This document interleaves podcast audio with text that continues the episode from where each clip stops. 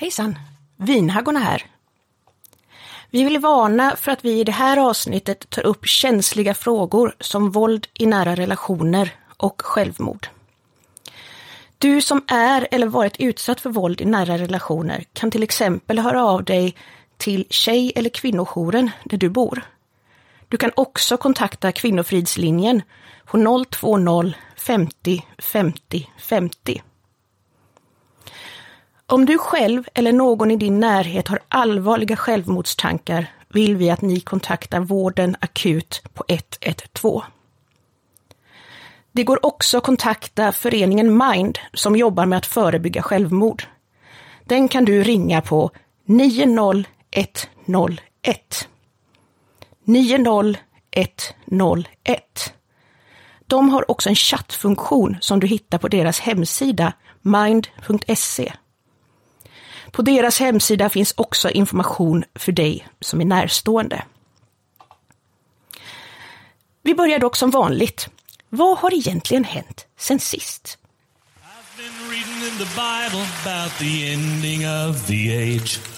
And one thing that's for certain, it grows closer every day.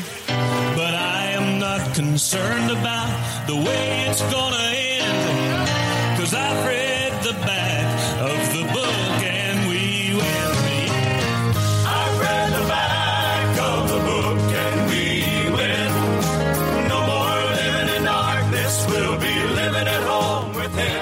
Oh, vi är igång. Är vi igång? Vi är igång igen. Gött det. Välkommen till Kortedala, Du, Amanda. Tack, tack för Kortedala. Det igen. Det har varit mycket i Kortedala nu Ja, det sista. Det här det Ehm, händer. det här händer. I snö, i insnöade. Det går inte att ta, det går inte att ta sig till Buslet. Det är ju 14 meter snö där ute. Åh herregud. Vad, vad har eh, hänt sen sist? Vi har varit på fest. Vi har varit på fest. Mm. Eh, Min, min, eh, en av mina svågrar och en av mina systrar, inte som är gift med den svågen, de har båda fyllt 40. eh, Så att de har haft ett 80-årskalas som hette Mm. Precis. Det svenska misslyckandet. Nej, det svenska fiaskot. Det svenska Ja. fiaskot, så var det till och med. fiasko. Ja. Någonting sånt. Ja. Ja.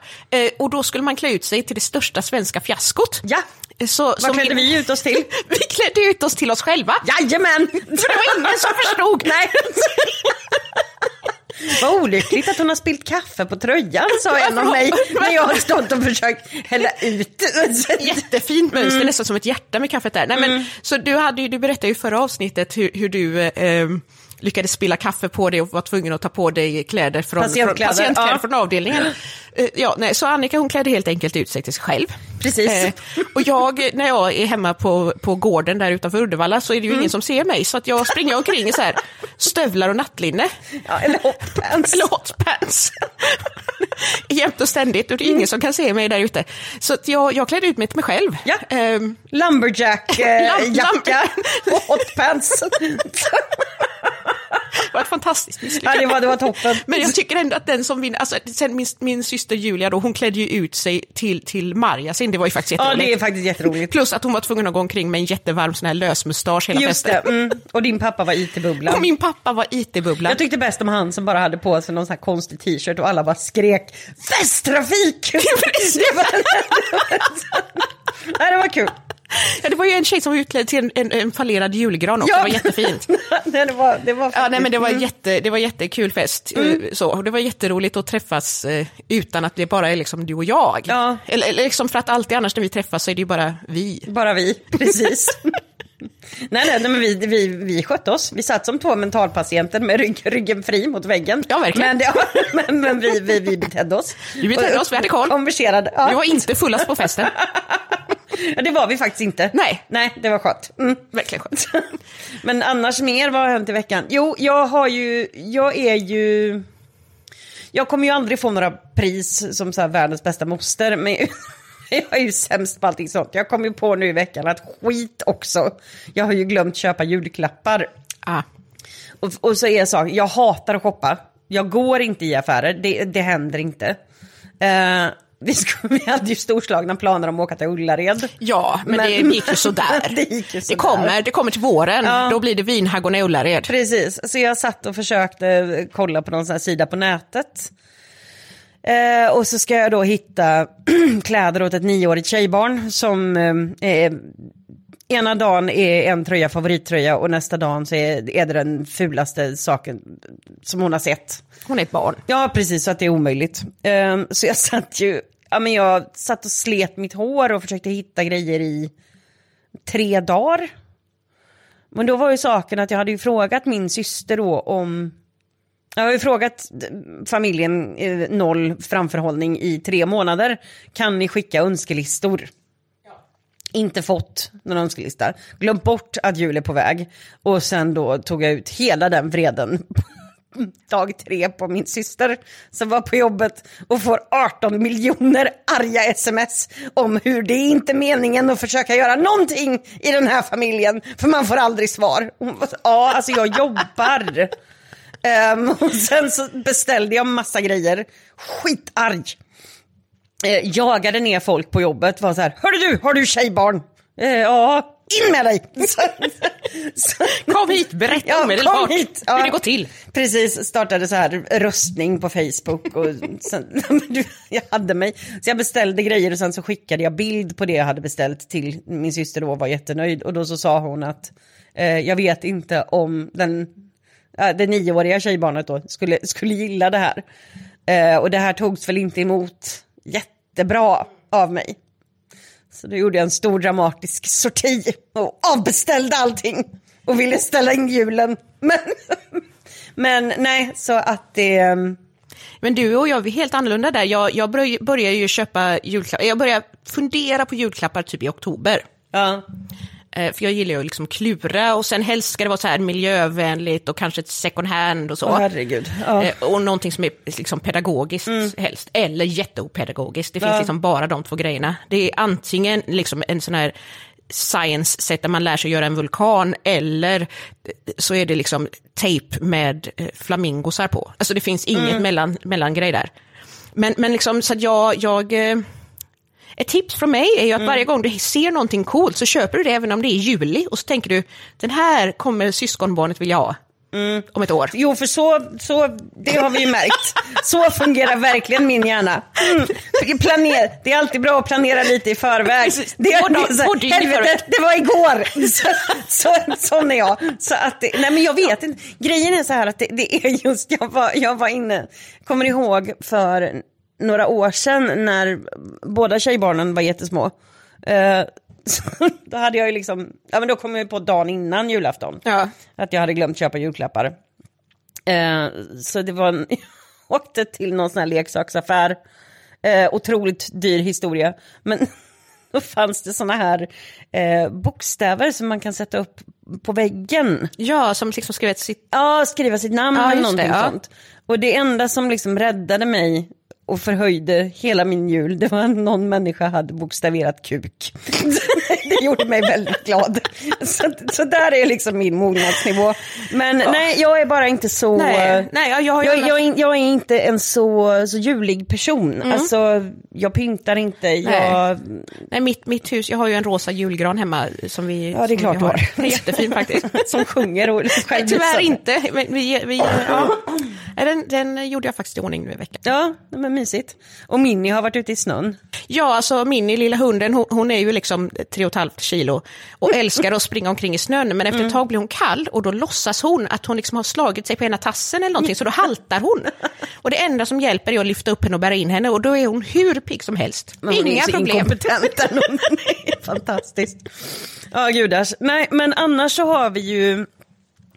Det här idag är ju sista avsnittet i serien om karisma. Precis. Inte sista avsnittet av podden. Nej, vi, vi fick en fråga om det, vi var kanske lite otydliga. Ja, men men vi kommer utan- att fortsätta. Precis. Men det här är sista serien, Eh, avsnittet om... avsnittet i karismaserien. karisma. Mm. Eh, och det här har ju gått under arbetsnamnet Spillrorna kvar. Mm. Så idag så kommer vi ju prata mycket om, eh, eller prata mycket, vi kommer, vi har fått berättelser skickade till oss som vi kommer läsa upp. Eh, det kommer inte vara, det kommer inte vara så mycket tramsande och ingen musik. Ingen musik, vi har Nej. valt att bara inte använda musik. Ehm, därför att det är... ehm, det, det, det, det, det är tungt eh, att gå igenom de här grejerna. Men jag tänkte på en sak för att du har ju ändå inte... Du har ju bara läst om det här, du har hört mig raljera om det, du har liksom... Ja men du vet, pluggat på med ekonomi och alla stolligheter och allting sånt. Um, hur, när du ser tillbaka på de här avsnitten och när du har läst de här berättelserna som vi kommer läsa upp sen eh, i avsnittet. Hur, har liksom den här processen varit för dig, Amanda? Alltså det här har ju varit, jag fastnar ju väldigt lätt i det här med siffror och, och, mm. och sånt där. Eh, därför att det är ganska skönt för då slipper man ha en massa känslor. Precis. men, men för mig har det varit, alltså det som det här har hamnat i är ju en oerhörd ilska. Alltså jag är så förtvivlad och arg ja. över att de här, nu framförallt de här fyra pastorerna då som vi har pratat om, eh, att de har, de har alla gått vidare i sina mm. liv. De Glatt har hoppat vidare. De, har, eh, de tjänar pengar, ja. de har eh, karriärer, nya ja. karriärer.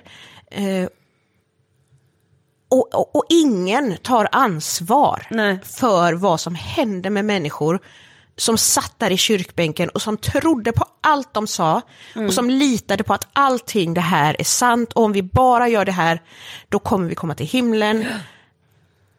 Och sen liksom så är det bara lögner. Ja. Och, och, samtidigt som de då också har manipulerat så många människor att tro att de själva, att de är eh, demonbesatta, att de ja. inte är kristna nog, att de liksom inte duger.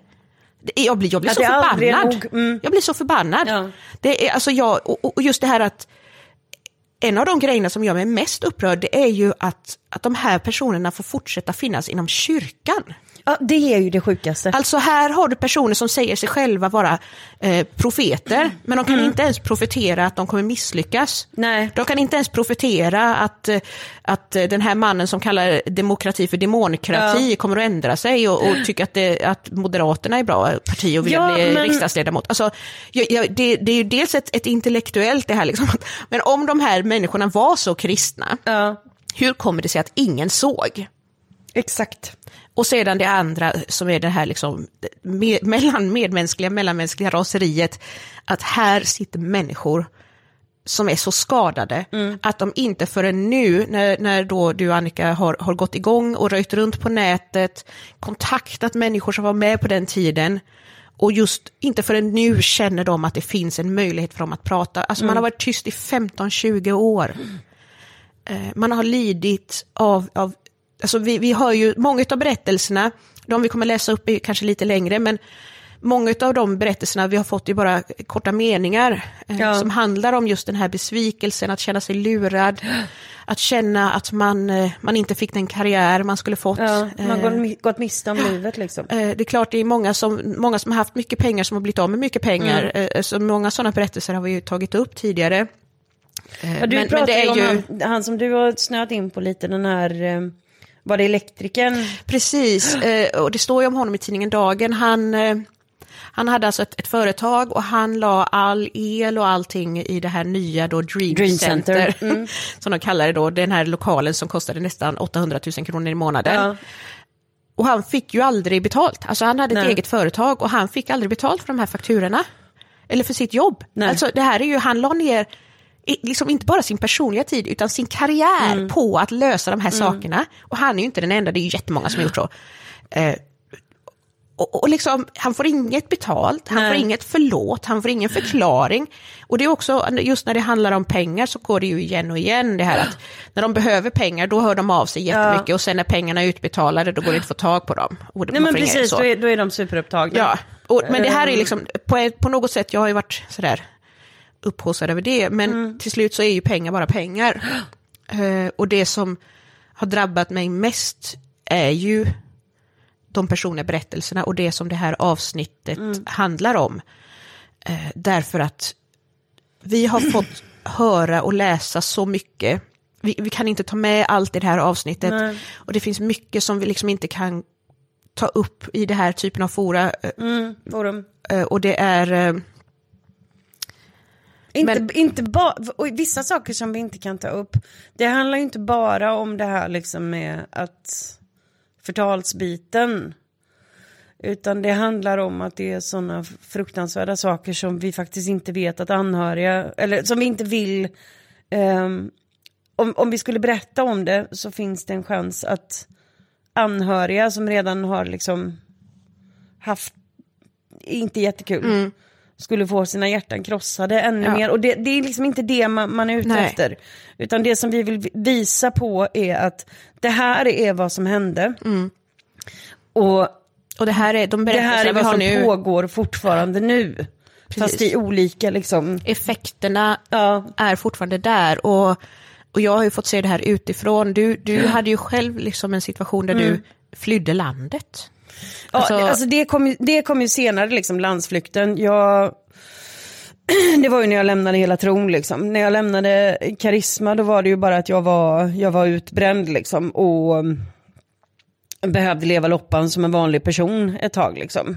Men konsekvenserna av vad jag lärde mig där det, är, det sitter ju fortfarande som saker som jag liksom måste...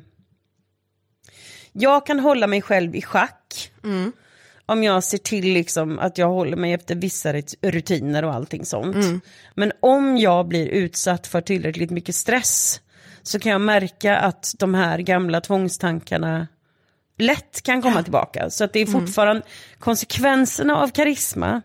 Det är fortfarande någonting som jag 20 år senare behöver liksom Som du behöver hantera. check, check myself before I wreck myself. Uh, Nej, Nej, men det, är ju, det är också någonting, just tvångstankar, eh, psykiatriska liksom, eh, situationer, eh, en person som pratar liksom, nästan om psykossituationer.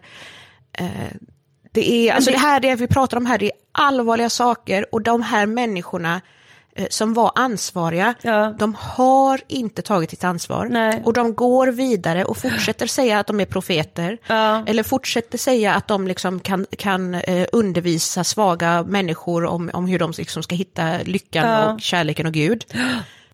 Eller som, eh, som Nielsen som lägger ut massa krönikor i tidningen Dagen där han pratar om att eh, ja, vissa personer tyckte nog att jag borde ha tagit steg, ett steg tillbaka och man bara ja för att För att du borde du det. borde ha gjort det. Ja, men det, är också, det är också en av de här sakerna som jag har blivit väldigt upprörd över, är Mm. ju att eh, tidningen Dagen, de känner ju till den här informationen, Ja, ja, ja. alla de här pastorerna. Eh, de, de, alltså det, det är klart, de, de har ett visst Pingst avstånd. vet. Kristenheten vet. Det här är ingenting Nej. som Men jag har menar den enda som de kanske har tagit avstånd från ordentligt det är väl eh, Mattias Lekardal. Han, har väl liksom, han är väl en skojare som liksom, de har lämnat Ja, bakom sig precis. på Han- han- han är inte ens välkommen. världen idag vill ha med honom att göra. Nej, precis. Men eh, eh, däremot de andra, Ja. de, de, eh, alltså Thomas Adenfors, ehm, Men alltså, han får fritt, han får fritt, och, Ja, ja, ja, men det smaklösa i liksom att ehm, efter att liksom konkursen var och allting sånt så har ju Adenfors har ju fortsatt att skylla på Stockholms stad. Alltså Ja, de ja. tar verkligen ingen, Nej, inget nej. ansvar överhuvudtaget. Sen så, han gillar ju uppmärksamhet. Mm. Så han och hans fru, de var ju med, alltså det är så smaklöst att de direkt hoppade, vad hette programmet de var med i? Från koja från till slott. koja till slott, det var typ på TV3 eller TV4 Precis. eller någonting. Så precis efter att han har liksom varit med om en förs- församling i konkurs, 12 liksom, miljoner i skulder. traumatiserat människor till höger och vänster, självmord, hela balletten. Då hoppar han glatt på ett tv-program för att få sitt kök renoverat gratis. Mm. När han har sugit ut människor ekonomiskt i, över, ja, men i nästan tio år. Ja. Eh, Och, och det som står ju, det, det står ju i, i de här artiklarna då från eh, Sollentunas, det är en lokaltidning där. det, mm. Eh, och då, då frågar den här journalisten honom men liksom, om, om allt det här debaclet liksom, Ja. med karisma och så. Och då, då säger han att han och hans fru, de har, de har bestämt sig för att liksom gå vidare nu Ja. och inte vara bittra. glömma och förlåta. Mamma, ursäkt, ursäkt, vänta va? Alltså, Ja. det, det är, jag, jag, jag, man blir ju mållös liksom. Vad var det mer? Du Jo, och sen, sen var det ju en annan, det finns en eh, tidigare journalist och numera, jag tror att han är bloggare eller någonting, Ja, okej. eh, som, som eh, bor där i närheten i samma kommun då som, som Thomas Adenfors och eh, han hör av sig med frågor med jämna mellanrum för att han har ganska mycket kunskap om just de här sakerna som vi har pratat om i, i våra avsnitt. Eh, och eh, Adenfors är väldigt upprörd över detta och han kallar det för en häxjakt Just på det. honom. Ja. Och det här handlar om att han är politiker och det är en häxjakt på, på eh, politiker. Precis. Mellan, mellan raderna skulle man eventuellt kunna läsa in på, typ så här, eh, på konservativa politiker.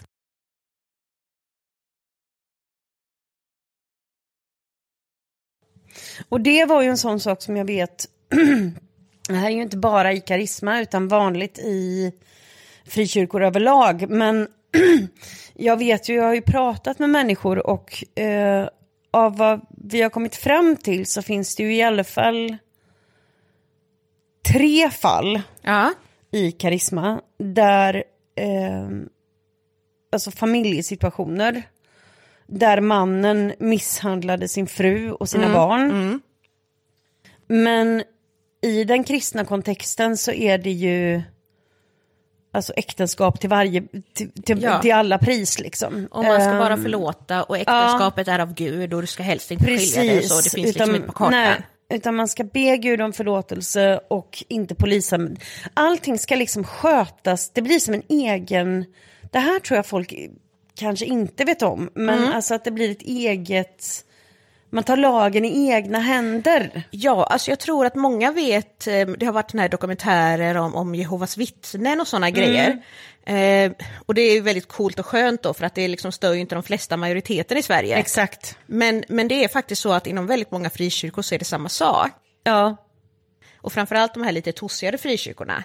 Men just att man tar lagen i egna händer liksom. Ja, för att det blir lite det här att om man till exempel tittar på situationen i Karisma då, där det är äktenskap till varje pris. Ja, Eh, då är det ju faktiskt så att män som misshandlade sina fruar och sina barn, de tilläts rumstrera fritt Ja. i församlingen. Det var inga repressalier, det var inga polisanmälningar, ingenting. Utan fruarna skulle glömma och förlåta och Ja. männen skulle vända sig till Jesus då. För att bli, bli liksom Lite reko trevligare. personer. Ja. Mm. Eh, och i vissa fall Mm.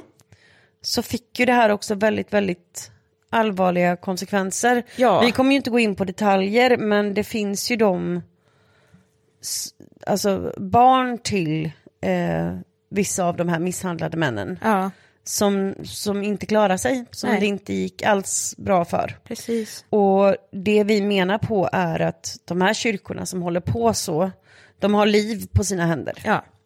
Därför att det är... ehm, De är inte beredda att ta eh, ansvar, konsekvenserna för sitt eget handlande. Nej, men inte ens det, utan det är den här jävla förlåtelsen igen. Ja. Att de här männen som då... Alltså det, fun- det, det är så som det funkar, det är att de här männen, de är hemma, tappar humöret, misshandlar skiten ur sina fruar och barn. Mm. Ja. Och sen så ska de komma till kyrkan och gråta krokodiltårar eh, och prata om hur dåligt de mår. Mm. Ja, Och då ska för, eh, pastorerna be för dem och allting och sen ska fruarna och barnen Förlåta. som är brottsoffer, ja, de uppmanas att förlåta och jobba ihop med den här mannen på ja för att han att ska må bättre. hans- Liksom. Ja, det handlar inte om precis. dem själva, utan det Nej. bara handlar om honom. Det Sådär. handlar bara om den Mm. här liksom, eh, syndaren då som ska få komma tillbaka till Gud. Och gång på gång på gång förlåtas och sen ska det förstås. Ja. Och så här håller det på. Eh, Men, men vi har ju också fått eh, lite roligare berättelser, eller eh, alltså, Ja, alltså, vad ska vi säga, rökning räddar liv nummer två. Ja. Nej men alltså komiska, för att vi har pratat med många människor. Och jag tycker det är så gulligt för att en kille som, som jag gick bibelskola med, som jag har pratat Mm. mycket med det sista, som är så god för han berättade att jag alltid varit väldigt, väldigt positiv som, som person. Mm. Men jag tyckte det var så fruktansvärt roligt när han berättade liksom om ja, men varför som det liksom inte har skapat så himla, himla liksom stora trauman i just honom. För, och han beskrev det som att ja, nej men det är väl det att jag, jag har väl alltid haft lite svårt för att sitta still och lyssna. Så jag sprang väl iväg någon annanstans. Så det underbara är att han har, ju, han har ju liksom inte blivit traumatiserad av karisma. För han har ju inte lyssnat på vad de har sagt. Utan han har ju bara så här totat iväg bakom scenen och pillat med kablar och grejer. Ja, men precis. Jag tycker det är, jag tycker det är väldigt, väldigt gulligt att liksom vara så här. Ja, nej men alltså jag känner inte att jag har blivit så traumatiserad av undervisningen. Men jag fick lära mig "Nej, mycket om ljud och ljus." Du var ju inte där. Det kan ju ha haft med det att göra också. Det är så otroligt bedårande. Ja, verkligen. Men vi har, fick ju in en annan, alltså två helt fantastiska historier. Mm. Där eh, en kille som gick, han gick bibelskolan året innan mig. Och han berättar om det här att de hade haft, alltså deras tid i bibelskolan var ju, alltså vi är ju från samma hemtrakter så att det blir ju liksom Ja, men det finns ju något patologiskt i att man måste skoja om allting. Ja, och jämföra såklart. Ja. Men för dem så var det ju svårt för att, ja men du vet, de var ju jätteudda i deras klass, du vet, rökte och liksom Oj, ja. hade vänner som inte var kristna. Och Oj, liksom, oj. Ja, det var otroligt eh, rebelliskt. Men då berättade han om att de liksom, om de kom för sent, vilket de gjorde ganska ofta, så fick de liksom sitta i någon slags skamvrå. Alltså det var, det, man fick liksom inte störa de stora ledarna och gå in och sätta sig. Utan då fick de sitta i något rötet jävla rum liksom. liksom med vaktmästaren och vara så här, hej, i 32 minuter tills det var dags för nästa. Vi har betalat tusen spänn i månaden men vi får inte gå Ja, på nej men det är helt otroligt. Alltså, det, är ju, det är ju en annan grej liksom. När man tittar tillbaka på alla de jag betalade för det här. Ja, precis. Tusen jävla spänn i månaden. Det finns inte en människa i världen som har liksom en bredare historik av att ta helt urusla beslut än jag. Eh, Men i vilket fall, en av hans historier det är ju att eh, Lekadal hade ju stått liksom uppe och eh, berättat om sina otroliga profetiska förmågor. Och, och berättade att han kunde ta i en skiva. Alltså, Alltså, på, så den, på den här tiden, 1900 frös ihjäl, då hade vi ju CD-skivor. Just det. Ni som är unga, ni kan sök på Wikipedia, det finns säkert bilder. Eh, Men alltså, då hade Lekadal berättat att han kunde ta, alltså, hålla fysiskt i en skiva och känna i anden om den var ond eller god. Ah, Lekadal Så, alltså. att- så min vän då, han hade tagit med sig en samling obskyra plattor till skolan en dag då. För att, för att testa honom. Så det var en bland, han skriver att det var liksom en, det var en, ett potpurri av liksom kristen dödsmetall och profana klassiker. Och sånt där som han själv var lite, lite osäker Ja, på. eller- typ ja, ja. Swans. Eh, men Lekadal hade tyvärr avböjt testet. Ehm, tittat på honom och med en varnande ton sagt pröva aldrig en profet. Ja men det är ju Och alltså... gått sorti, ridå. Men det är ju Ehm, det som är så fint, att är du profet så kan ju ingen ifrågasätta dig. Nej men det är också det som är Du så kommer himla alltid undan. Det roligt, finns alltid en, liksom en utväg. Det finns ju människor som liksom anses, jag kommer ihåg det från liksom andra kyrkor som ansågs ha en profetisk eh, Mm. gåva eller någonting. Men de var, ju, de var ju inte runt och liksom pratade om sig själva som profeter. Men det han berättade en annan historia som... Och det här är så ehm, fin, jag är väldigt förtjust i ja. den här berättelsen. Men det här är också så fruktansvärt Det är så talande. talande för hur manipulativa alla de här pastorerna Ja, men var. alltså det här är ju i karisma, men det här är ju också, jag menar, det här hade kunnat hända i eh, vilken kyrka som helst, nästan eh, under den här karismatiska tiden, Ja, 90-talet. absolut. Men den är så fin. Den gör mig Eh, lycklig. Och det här, det här är, det, han skriver så här. Eh, jag minns att en predikant sa att den helige ande kunde komma i rökform. Och efter en intensiv bönestund så kom det mycket riktigt rök. Alla blev helt galna. Men jag och min kompis blev lite misstänksamma så vi gick upp för att ta en cigg. Då såg vi att de övade på någon slags teater i våningen ovanför. Med en rökmaskin. Och han skriver avslutade med, det var nog sista spiken i karismakistan för mig. Eh, alltså just det här otroligt manipulativa. Och jag såg en, eh, jag såg någon sån random grej på, på YouTube om någon som granskar liksom olika tosse kristna Ja. i USA. Och då var det just en sån sak att i någon sån här jättespeciell kyrka så hade de liksom haft något sånt att Guds ande kommer i någon slags glitterform. Oj. Och så, så var det någon som hade liksom varit inne i ven- ventilationssystemet och lagt ut något sån här, ja men du vet glitterpu... Ja, det är faktiskt jätteomiljövänligt. Ja, Glitter men är alltså, sämst. så att det verkligen är den här charlatansbiten. Att de har bara uppfattat det liksom, att röken kommer in. Och då blir då så- kan vi liksom, ja men det, det är så, det är så det, ja, det är så talande också Ja. för, för vad vi trodde på faktiskt, eh, Precis. våra liv. Men det här har ju varit... Eh, alltså det här har ju... Det har hänt så mycket i dig. Mm. Alltså det här började någon gång i mitten av augusti, eh, som vi började med det här och vi Känns började det sortera i 20 år det. Mm. Eh, och det har hänt så mycket för dig. Eh, och jag har liksom fått följa den här highs and Processen. lows. Ja. ehm, Vad roligt du har haft. jag har faktiskt Tackare. haft det roligt. Ja, mm. Eh, Men, men eh, jag vill, vad, vad känner du nu, efter de här avsnitten? Mm. Med de här, vad känner du nu? Jo, nej men annars så kan väl jag... Jag har ju tittat tillbaka mycket och sådär. Eh,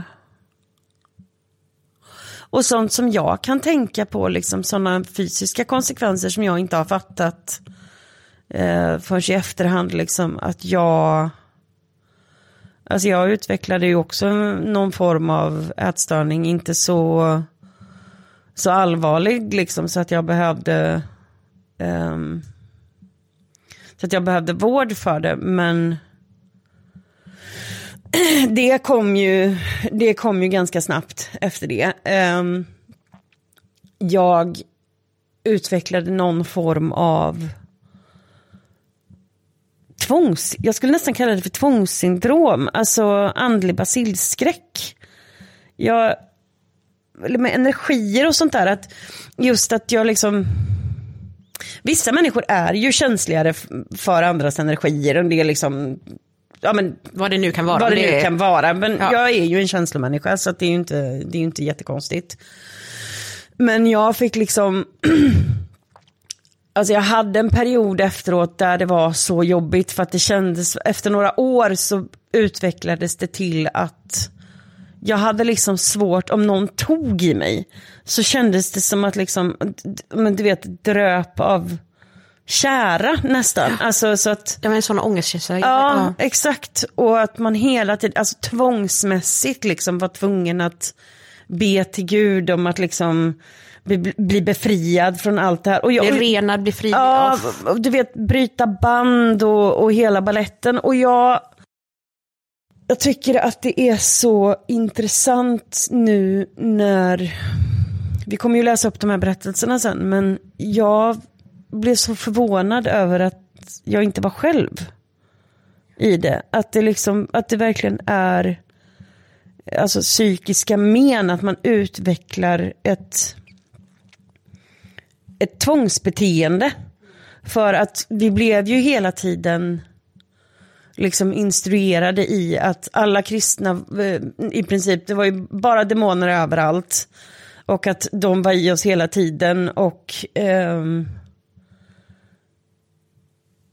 Nej men alltså, det, det, är så svårt, det är så svårt att förklara det här men att, det liksom, att det, vi pratade lite om det i förra avsnittet.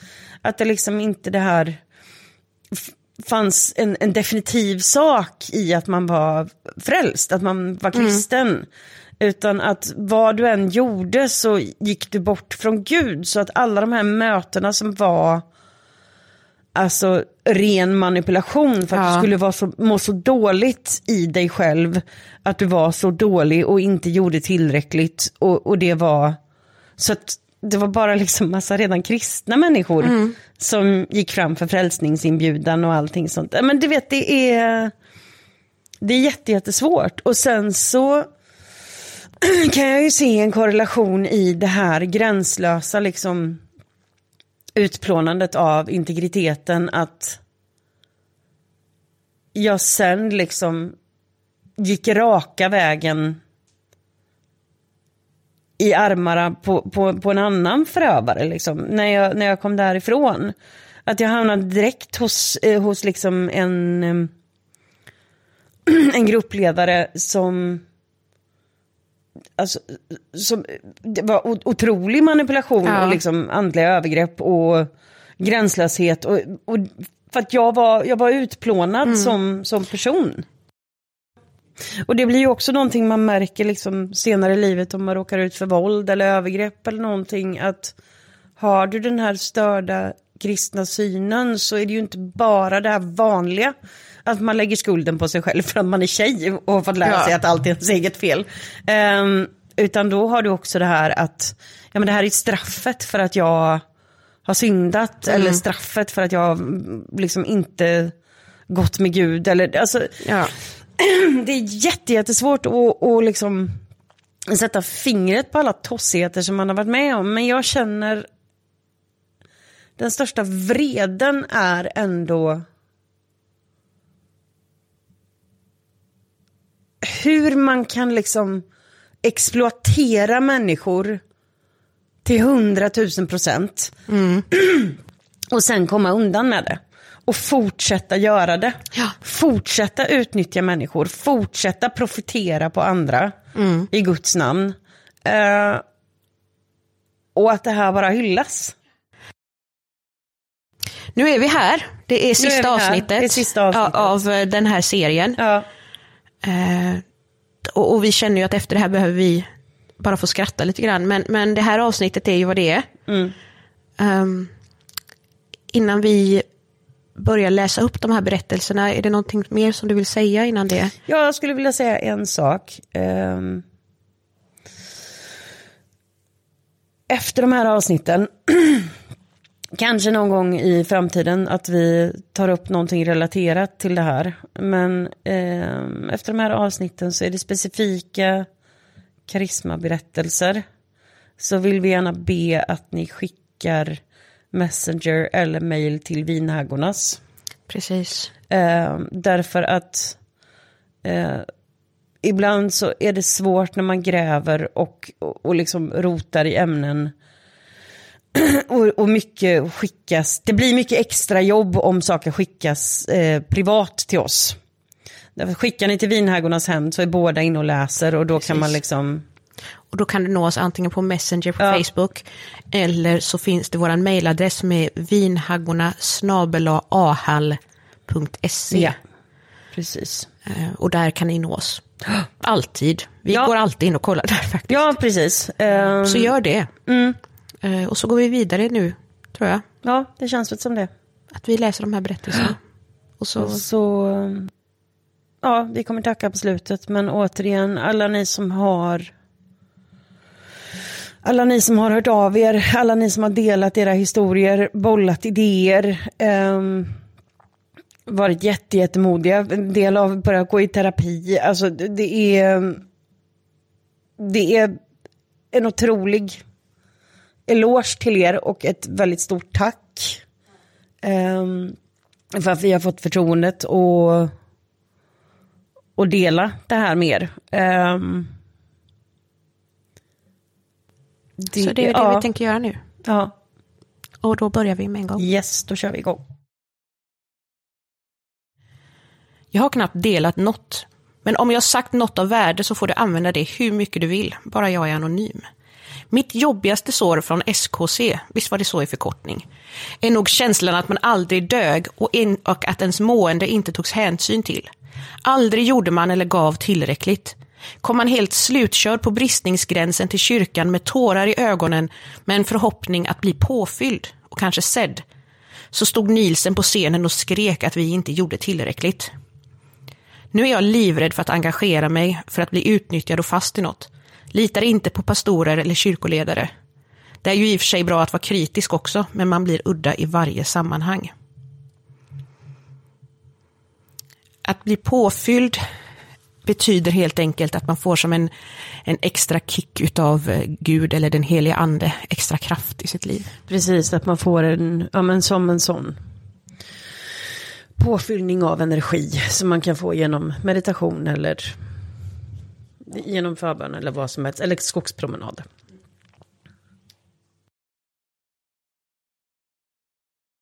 Vi läser en annan. Här kommer min story. Jag kom till Karisma direkt efter gymnasiet och gick bibelskola. Jag slukade all undervisning som var radikal. Blev snabbt engagerad i arbetet med att vinna människor och snart hade mina vänskapsrelationer runnit ut i sanden. Jag ville ju bara umgås med människor som kunde frälsas. När jag gift mig blev jag och min man ledare inom församlingen och vi la i princip all vår lediga tid där. Redan efter några år började jag få ångest över att det andliga inte fungerade. Människor som vi bad för blev inte friska som de skulle bli. Jag undrade vad det var för fel på mig och jag var rädd att ha demoner i mig. Det var ju så många kristna som hade det enligt undervisningen. Jag gjorde allt för att inte förtala ledarna, som var det värsta man kunde göra. Men jag var ändå rädd att demonerna skulle få mig. När konkursen kom rasade allt. Det var svårt att tro på Gud och svårt att tro på människor.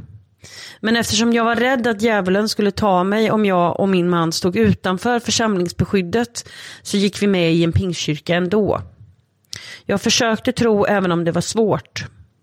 Karisma lämnade mig med tvångstankar kring tron. Det är hemskt att känna att jag eller någon jag älskar kan dö om jag inte ber för dem hela tiden. Efter ett antal år kom en depression och då försvann Gud helt, kändes det som. Och rädslan för demoner och helvetet grep tag i mig. Jag fick självmordstankar.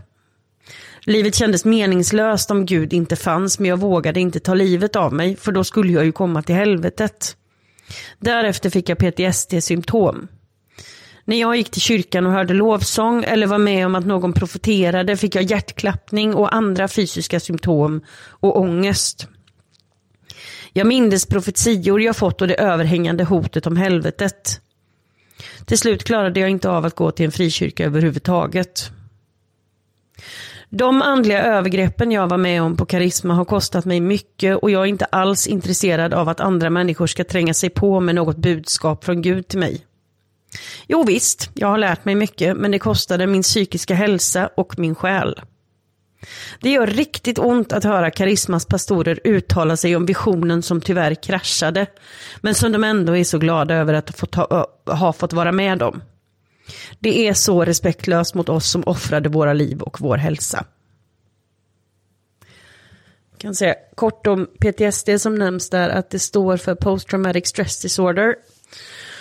Det här är någonting som människor kan utveckla efter att de har varit med i extremt stressade situationer som, eh, ja, men som till exempel eh, rån, eh, krigssituationer, våldtäkt, eh, naturkatastrofer, eh, bränder, allt möjligt. Eh, och det, det som händer eh, i hjärnan är att hippocampus finns det en del som sorterar känslor och sorterar också rädslor. När vi utsätts för livsfara då skickas det signaler till en annan del i hjärnan som heter amygdalan. Det här är liksom den här överlevnadsdelen i, i hjärnan. Um, och då brukar man prata om de här reaktionerna fight, flight eller freeze. Um, problemet vid PTSD är att det blir förändringar i hjärnan. Så att hippocampus krymper och amygdalan växer. Och det här betyder att en person med PTSD eh, till exempel kan få samma starka reaktion, eh, alltså livsfara-reaktion om en kraftig smällare går av. Som om det faktiskt var en explosion på riktigt. Så att den här, det, det blir off i hjärnan. Det här är inte bara människor som är liksom känsliga, utan det här är en neurologisk del. Att de här bitarna som egentligen inte är farliga hamnar i amygdalan, där liksom överlevnadsstrategin finns. Eh, så att man kan få extremt starka reaktioner för vad andra ser som, som ingenting. Komplex PTSD, det pratar man om när människor har varit utsatta för en oerhörd stress och eh, mycket kränkningar under väldigt lång tid. Alltså det finns inte en specifik händelse att påpeka på. Utan att man har liksom varit med om det här upprepade gånger. Det här kan vi se med människor som har till exempel varit med i sekter. Vi ser det hos eh, personer som har levt i våldsamma relationer under lång tid. Vi ser det hos eh, många som har blivit utnyttjade och kränkta som barn under lång tid. Då brukar det kallas för, eh, för komplex PTSD. I den här berättelsen så nämns någonting som heter frälsningsinbjudan. Eh, vi har pratat om det förut. Det betyder helt enkelt att det står någon framme i kyrkan och säger att om du som är här vill bli frälst, alltså om du vill ta emot Jesus Kristus och bli frälst och bli kristen, eh, så kan du räcka upp din hand eller komma fram. Eh, och det är helt enkelt, ja, det är inte svårare än så. Nej, det är vanligt förekommande. Det, det, förekommer i alla kyrkor. Vi vet ju att i karisma så har man använt de här siffrorna för att blåsa upp det hela, att säga att ja, men på det här mötet var det hundra nya som blev frälsta. Mm. men den här berättelsen berättar ju hur det egentligen var. Mm. Jag ville skriva lite om karisma. Själavården på karisma fick mig att känna mig ganska värdelös som mamma och människa. Bibelskolan och alla predikningar gav mig en stor skräck för demoner.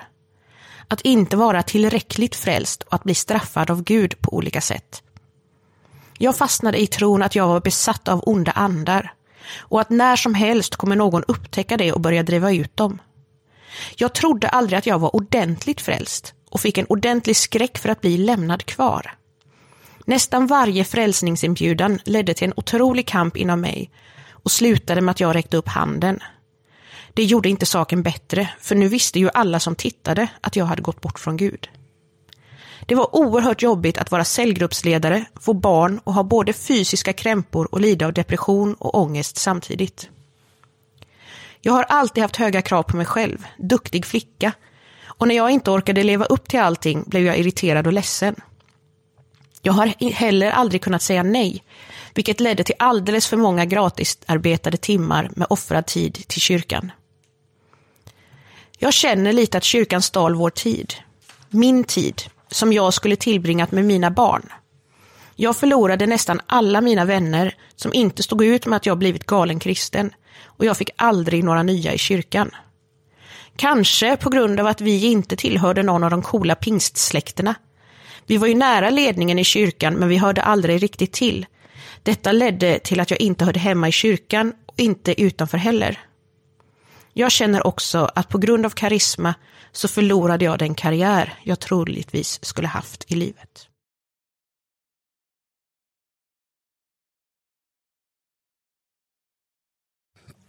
Hej Annika! Jag vet inte riktigt vad jag ska skriva kopplat till din fråga. Jag har svårt att formulera vad karisma har fått för konsekvenser i mitt liv. Det jag kan säga är att det var otroligt tufft och en livskris på olika sätt när karisma brakade ihop. Dock har ju många haft det otroligt mycket jobbigare än jag har haft det. Om man tänker ur ett frikyrkoperspektiv så var ju det en väldigt stor bidragande del till att vi lämnade frikyrkan. Även om det säkert hade hänt ändå. Väldigt mycket av gudsbilden som förmedlades i karisma var oerhört statisk och absolut. Förr tänkte ju jag att jag hade svar på precis allt. Nu har jag inte svar på något. Jag kan i efterhand känna att jag kastade bort en massa år och pengar, karriärsmöjligheter med mera under åren i karisma. Jag kan inte direkt identifiera mig med att vara rädd eller ha stark ångest. På så, på så sätt så har jag klarat mig bra. Däremot kan jag bekymras över att hela min uppväxt i frikyrkan med alla krav och begränsningar har medfört att man blev så oerhört snabbt vuxen. Det har också en hel del att göra med att jag växte upp med bara min mamma som jobbade oerhört mycket för att få livet med tre söner att gå ihop. Då fick jag i och med det klara mig mycket själv och bli vuxen snabbt ur det perspektivet också. Men karisma tillförde mycket sorg och också besvikelse. Till viss del kan jag känna mig lurad också. Pastorerna svek i att de bara körde på och sket i allt och alla å ena sidan känner jag en viss likgiltighet för det, helt ärligt, för egen del. Men för andra människor som blir nya offer för deras framfart kan jag känna en stor oro och sorg.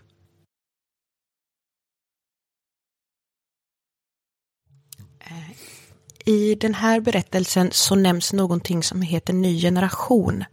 Kan du bara berätta vad det är för någonting Annika? Ja, ny generation, ny generation det var ju ett gäng som rände runt och startade kristna skolgrupper runt om Just i det. Sverige. Eh, Vi har pratat lite om att vi kommer eh, granska dem lite, lite närmare.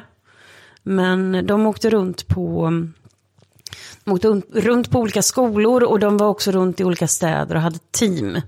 Och jag vet att Ny Generation var väldigt engagerade i ungdomsarbetet i Karisma under, eh, under en viss period.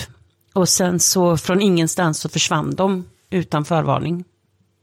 Så det, det är nog lite det som... Mm.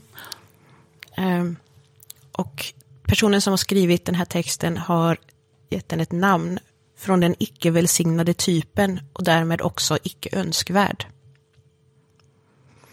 Det är sällan det finns en urskiljbar och avgränsad händelse eller period i livet som kan lastas för allt.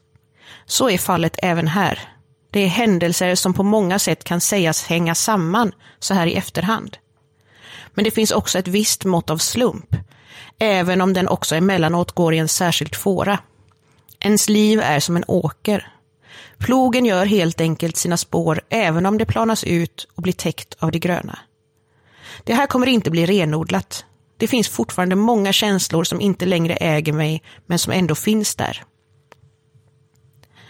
De stora entiteterna här är rädsla, misstänksamhet, värdet i att bara finnas till, känslan och tron på att jag inte är frisk i huvudet, vek och lättlurad, det ständiga försvaret och sist men inte minst sorg.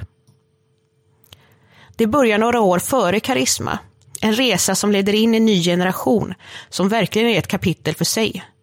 Det är där jag möter Lekardal och flera andra som kommit att påverka mitt liv och min frihet efter det. Jag hoppade av Ny generation men flyttade till Stockholm, där det fanns personer från Ny generation och tidigare delar av mitt liv som då givetvis hoppat på det fräscha alternativet Karisma Center, vilket även jag gjorde. Rädslan. Den har funnits sedan lämnandet och uteslutandet. Rädslan för att bli tagen, både att åter snärjas av det fina och rädslan för att de ska förstöra mig och min omgivning. Den har förlamat mig i omgångar, hindrat mig från att göra det jag vill och gjort mig till en person jag inte var från början. I vissa avseenden, som på jobbet, är jag nästan mitt vanliga jag, men i kontakten med människor utanför det är något jag egentligen inte är. Mitt grundläggande jag är en person med många människor runt omkring mig. Det är jag inte längre.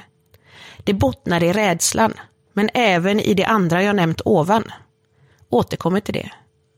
Jag har gömt mig för att inte kunna bli hittad under många år. Har helt enkelt inte levt som jag velat. De har tagit min frihet ifrån mig. Jag blev klassad som en farlig person. Så går det om man ifrågasätter det vise genom att använda sig av det finaste, kunskap. Och genom att vara eller anses vara ett hot mot profeten med stort P. I ny generation fick jag veta att jag var profet och att jag skulle prövas för att högmodet skulle hålla sig på mattan. Det innebär inte att Gud eller djävulen skickar på en utmaningar, utan att människor i ens närhet beter sig som mobbare, uttalar hot och förflyttar en till utkanten av det samhälle man lever i. Fysiskt våld existerade inte, men tystnad, ignorans och översitteri. Därtill skulle man tjäna andra. De tog mina ord och min kärlek. Jag skulle profetera över allt och alla. Jag blev utbränd med allt det som följer med en sån händelse. Men givetvis förklarades allt detta av att jag var felet och att jag inte lät mig fyllas av Gud. Tror man i psykiatrin skulle klassa några av mina upplevelser som psykotiska. Det utvecklades ett slags angiverisystem. Jag vet inte hur utbrett det var, men det fanns. Jag har i alla sammanhang varit en ifrågasättande och läsande person, vilket inte uppskattades av omgivningen. Är man långt ner i hierarkin så ska man ta till sig de vises ord som sades vara Guds ord. Jag blev angiven, inkallad, förhörd och tillrättavisad av Adenfors. Allt i ljuset av Adenfors glansiga kavaj och ansikte. Så vackert blev det dock inte. Antar att bedömningen var att jag var fullständigt ansatt av demoner och hade flertalet av de onda andar man kan ha. Jag ansågs som en farlig person och på alla sätt skulle undvikas. Alla. Vänner, bekanta, församlingsmedlemmar lämnade mig. Som en leprasjuk sprang man ifrån mig. Ingen pratade med mig. Ingen hörde av sig och jag ignorerades. Som om jag inte längre var vid liv. Jag antar att det var så de såg på mig. Jag blev brännmärkt och det gör fortfarande ont så många år senare.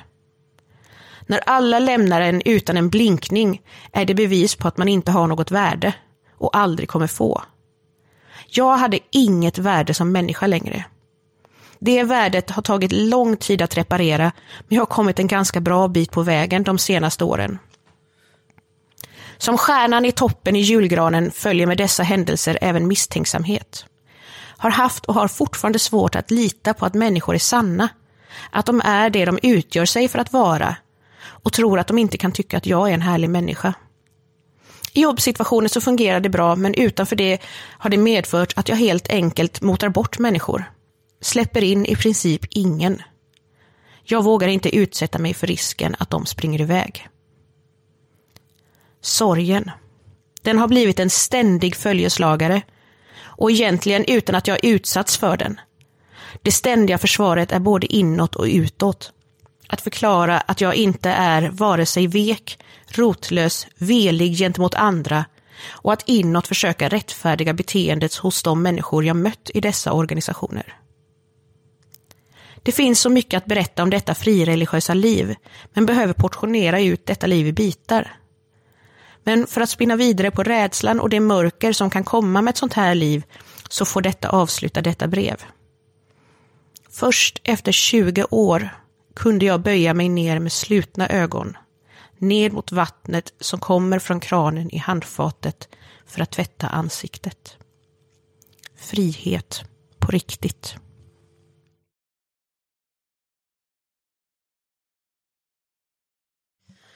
Hej Annika, angående din fråga. Karisma tog ifrån mig en möjlighet till en sund tonårstid. Tron de förmedlade gjorde att jag inte sökte eller fick vård och omsorg för ångest som senare gick över till ätstörningar. De tog ifrån mig möjligheten att utveckla en sund integritet och gränsdragning. Jag har genom livet efter karisma fortsatt att tjäna andra och att aldrig se mitt eget värde. De har skadat min relation till auktoriteter och ledare. Antingen behöver jag göra revolution eller så följer jag, som en vilje, följer jag med som en viljelös knähund. Jag har förtryckt så mycket och har precis nu, 15-16 år senare, börjat lyfta på locket på all sorg, ilska, kränkthet och religiösa trauman. När jag gick behandling för ätstörning, efter karisma, hade jag skyhöga värden på två personlighetsfaktorer. Asketism och perfektionism. Två saker som odlades fram i karisma. Allt detta medan ledarna levde rövare med både lyxliv och i allra högsta grad icke-perfektion. Just ehm, det här ordet askes som nämns, det, kom, det, är, det kommer från grekiskans askesis och det betyder övning. Och det här användes i början ehm, för att beskriva de här försakelserna som idrottsmän gör inför tävlingar.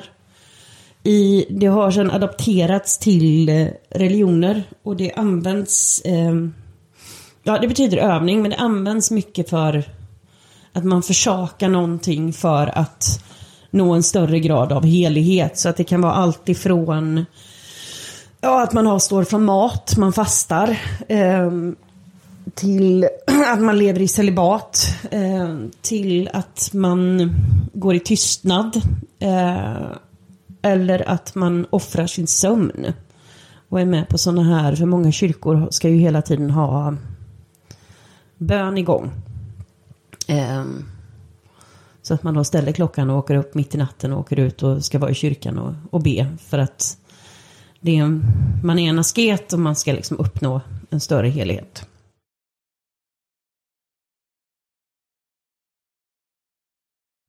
Amanda kommer läsa sista berättelsen. Ehm, där nämns 180. Så vi vill bara påminna igen om att vi får ursäkta, det är lite tungt med det här. Men ehm, um, 180 var um, ungdoms, um, ungdomsgruppen i Karisma. Um, så du kan läsa den. De som inte finns med oss längre kan själva inte berätta. Och jag vet inte hur deras anhöriga ser på varför de tog livet av sig. Men för mig präglade de närmaste åren efter Karismas krasch av att två goda vänner, unga människor som varit med i församlingen, i förtvivlan avslutade sina liv. Det är svårt att peka på en orsak, som Karismas varande och sedan krasch. Jag vet inte precis vilka tankar som föregick min väns självmord, men jag vet detta om omständigheterna. Det fanns destruktiva hemförhållanden som församlingen kände till men inte förmådde agera och skydda ifrån. Informationen om familjeförhållandena tycktes inte heller ha gått från föreståndaren till ungdomsarbetet. Eller det vill jag tro i alla fall, för annars hoppas jag att man hade agerat annorlunda inom 180. Psykisk ohälsa, men en undervisning och stark tradition om att man ska söka hjälp i förbön och inte hos psykvård. E I 180 praktiserades demonutdrivning. Ekonomisk utsatthet skulle jag vilja säga präglade ungdomsgruppen i stort, förutom ett fåtal. Inte fattigdom, men den sortens utsatthet som gör att man råkar vara sjuk när skolan ska åka skidor, går i urväxta kläder lite för länge, köper en klänning till festen istället för en vinterjacka och härdar ut i skor man får blödande skavsår av. Jag nämner det eftersom undervisningen också mjölkade oss på pengar. Ge mer, mer, mer, mer, mer. Det var aldrig nog. Och om man ger skulle man bli välsignad. Men om man inte blev välsignad då? En sexualmoral som bara passade frikyrkoungdom inom normen att vara medelklass, oskuld, gifta sig ung. Hur ser man på sig själv om man utsatts för övergrepp? Om man inte kan passa in i den snäva normen. Det fanns en gemenskap som spräcktes i och med kraschen, ett sammanhang och en framtidsvision som till intet gjordes. Den starka normen var att man skulle gå bibelskolan efter gymnasiet. Jag vet det eftersom jag själv starkt ifrågasattes när jag förklarade att jag inte hade de planerna. Men med kraschen fanns plötsligt inte bibelskolan.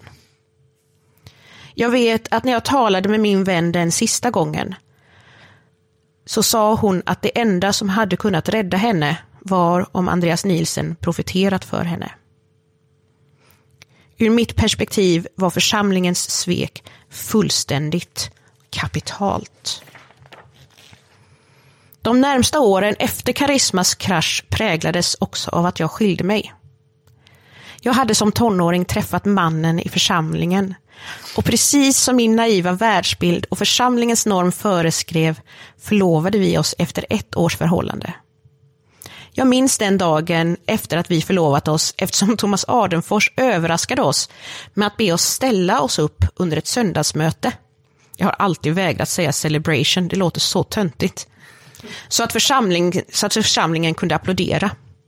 Efter det var det raka vägen mot äktenskap. Om man vet att det är Guds vilja är det bara att köra som någon i församlingen sa.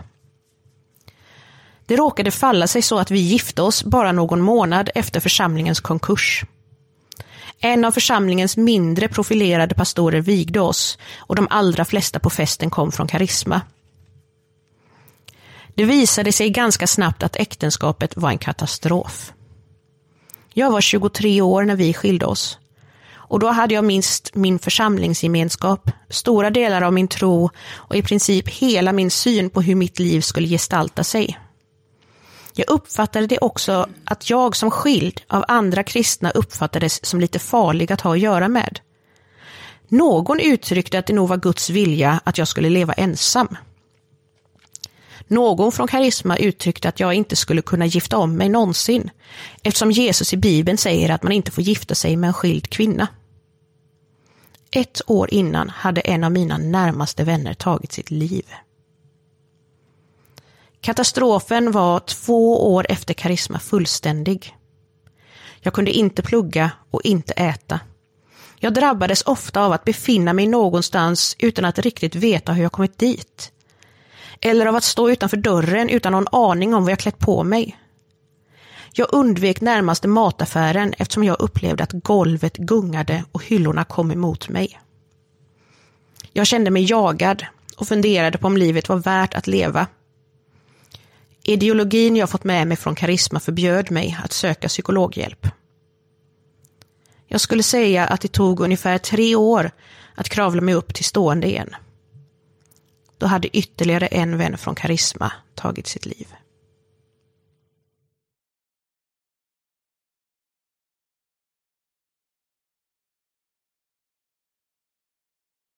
Det är ju det är ju mycket saker som vi har. Det är ju alltid svårt när man pratar om de här bitarna för att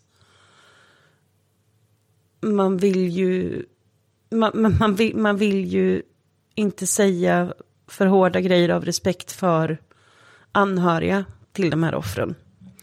Um, så det som vi har pratat runt och kom att tänka på efter fyra månader i den här jävla gyttjan som är Stockholm Karisma Center så kom vi att tänka på ett, ehm, ett bibelord. Ehm, och det är Markus 9.42. Där det står att den av er som förleder en av dessa mina minsta som tror på mig. För honom är det bättre att han sänks, sänks i havets djup med en kvarnsten kring halsen. Och vi ville, vi ville göra någonting för att eh, hedra de, eh, de, de som inte orkade. Så vi har eh, jobbat på en text ihop, Amanda. Eh, vi kommer läsa upp den här texten. Eh. Sen kommer vi ha en stunds tystnad för de som inte finns med oss längre. Ehm, och sen så kommer avsnittet vara slut. Så jag läser. Det finns en strand där kvarnstenar väntar. Det finns en plats där tiden står still. Den kärnen av djupaste tystnad, där finns varken kan eller vill. Det finns en plats där kvarnstenar bidar. Det finns ett namn upp på varje sten. Den tyngden ska sänkas i djupet där lögnen förvandlas till ben. Det finns en strand där kvarnstenar väntar.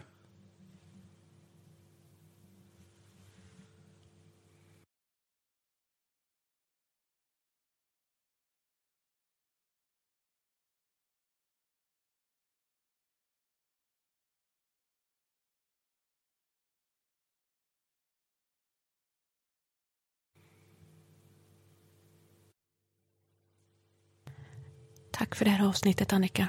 Tack, tack Amanda. Tack, tack alla som har hört av sig. Tack för att ni har lyssnat. Och tack för, till alla er som har, eh, som har delat era historier. Utan er, ingenting. Mm. Vi hörs om två veckor. Vi hörs om två veckor.